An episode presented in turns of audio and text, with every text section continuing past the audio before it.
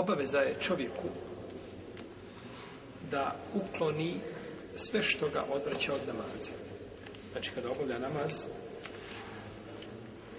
treba gledati da ga obavlja na mjestu gdje nemaju, znači, nikakvi sporedni faktori koji ga odvraćaju od njegove, njegovog namaza, odnosno da ga dekoncentrišu.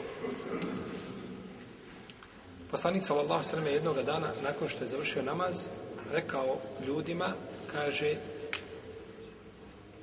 a, od Ajše hadis da je rekao idite kaže sa ovom odjećom mojom koja je bila znači a, a, ili vunena ili slično tome a imala je na sebi šare znači da je bila šarena i šarana toliko da bi ga odvodila u namazu kaže pa nosite ovo Ebu Džehmu a meni od njega doneste kaže a, lanenu glat halinu ova me je, kaže, skoro da me je dovela iskušenje u namazu. Bila je, znači, odreća, kada se pogleda ovako, bila je sad, znači, šarena u šarama, pa ako čovjek, ako čovjek osjeti da ga to odvodi u namazu, dužan je, znači, da, da u namazu, znači, obuče odjeću koja ga neće odvoditi, znači, od njegovog namaza. Isto tako, ako je nešto ispred njega, znači, ispred njega, ako je, mi ne kažemo da je zabranjena odjeća koja ima, tako, nije zabranjena ali ako čovjek klanja i osjeti da ga, znači, da, da ga ta, te boje koje na sebi ima, raznorazne, on rekamo, odići ima na sebi 4, 5, 6 boja, je tako?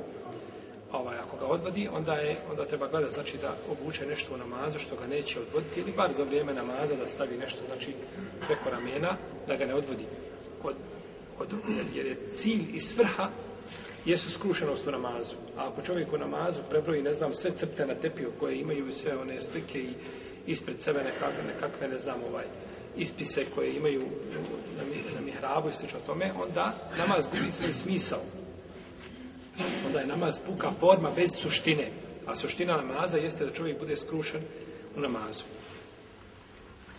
Pa je stoga, znači, dužan da ukloni sve što bi ga odvodilo Iz toga jeste postavljena pregrada ispred čovjeka da ne prolazi niko, da, da, da je dovoljno presjeca namaz znači da mu ne može prisjetiti namaz ni šeitan, ni, ni čovjek, a i onda sve ono što će ga odvoditi da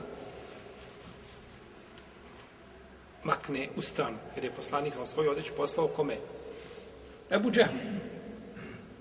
Da Ebu Džehmu oblači u namazu, nije da Ebu Džehmu, nego poslao Ebu Džehmu, a, a Ebu Džehmu ne mora znaći da će on obući. Jer jednog dana vidio je poslanik vidio je sa osam na Omeru odjeću. U stvari, e, vidio je odjeću, Omer je rekao je poslanik sa osam, Omeru kaže, uzmi ovu odjeću sebi. Kaže, Allah poslanik, zar nisi rekao za tu odjeću? Kaže, da, da je ne oblačio osim onaj ko nema udjela na ahiretu. Kaže, jesam. Pa kaže, što mi je daješ onda? Pa kaže, nisam ti dao da je oblačiš. Možeš ovaj, koristiti za druge stvari, može se, kao što je Ajša radijalohtala napravila tako zavise koje imala slike, napravila dva jastuka. Možeš je koristiti kao postelinu, možeš je koristiti, možeš je isti iskomadati, isjeći, pa je napraviti, iskoristiti za, za druge stvari.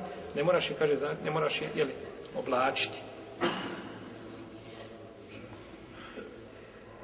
A navodi se u drugoj predaj da je Ebu Džehem bio slijed.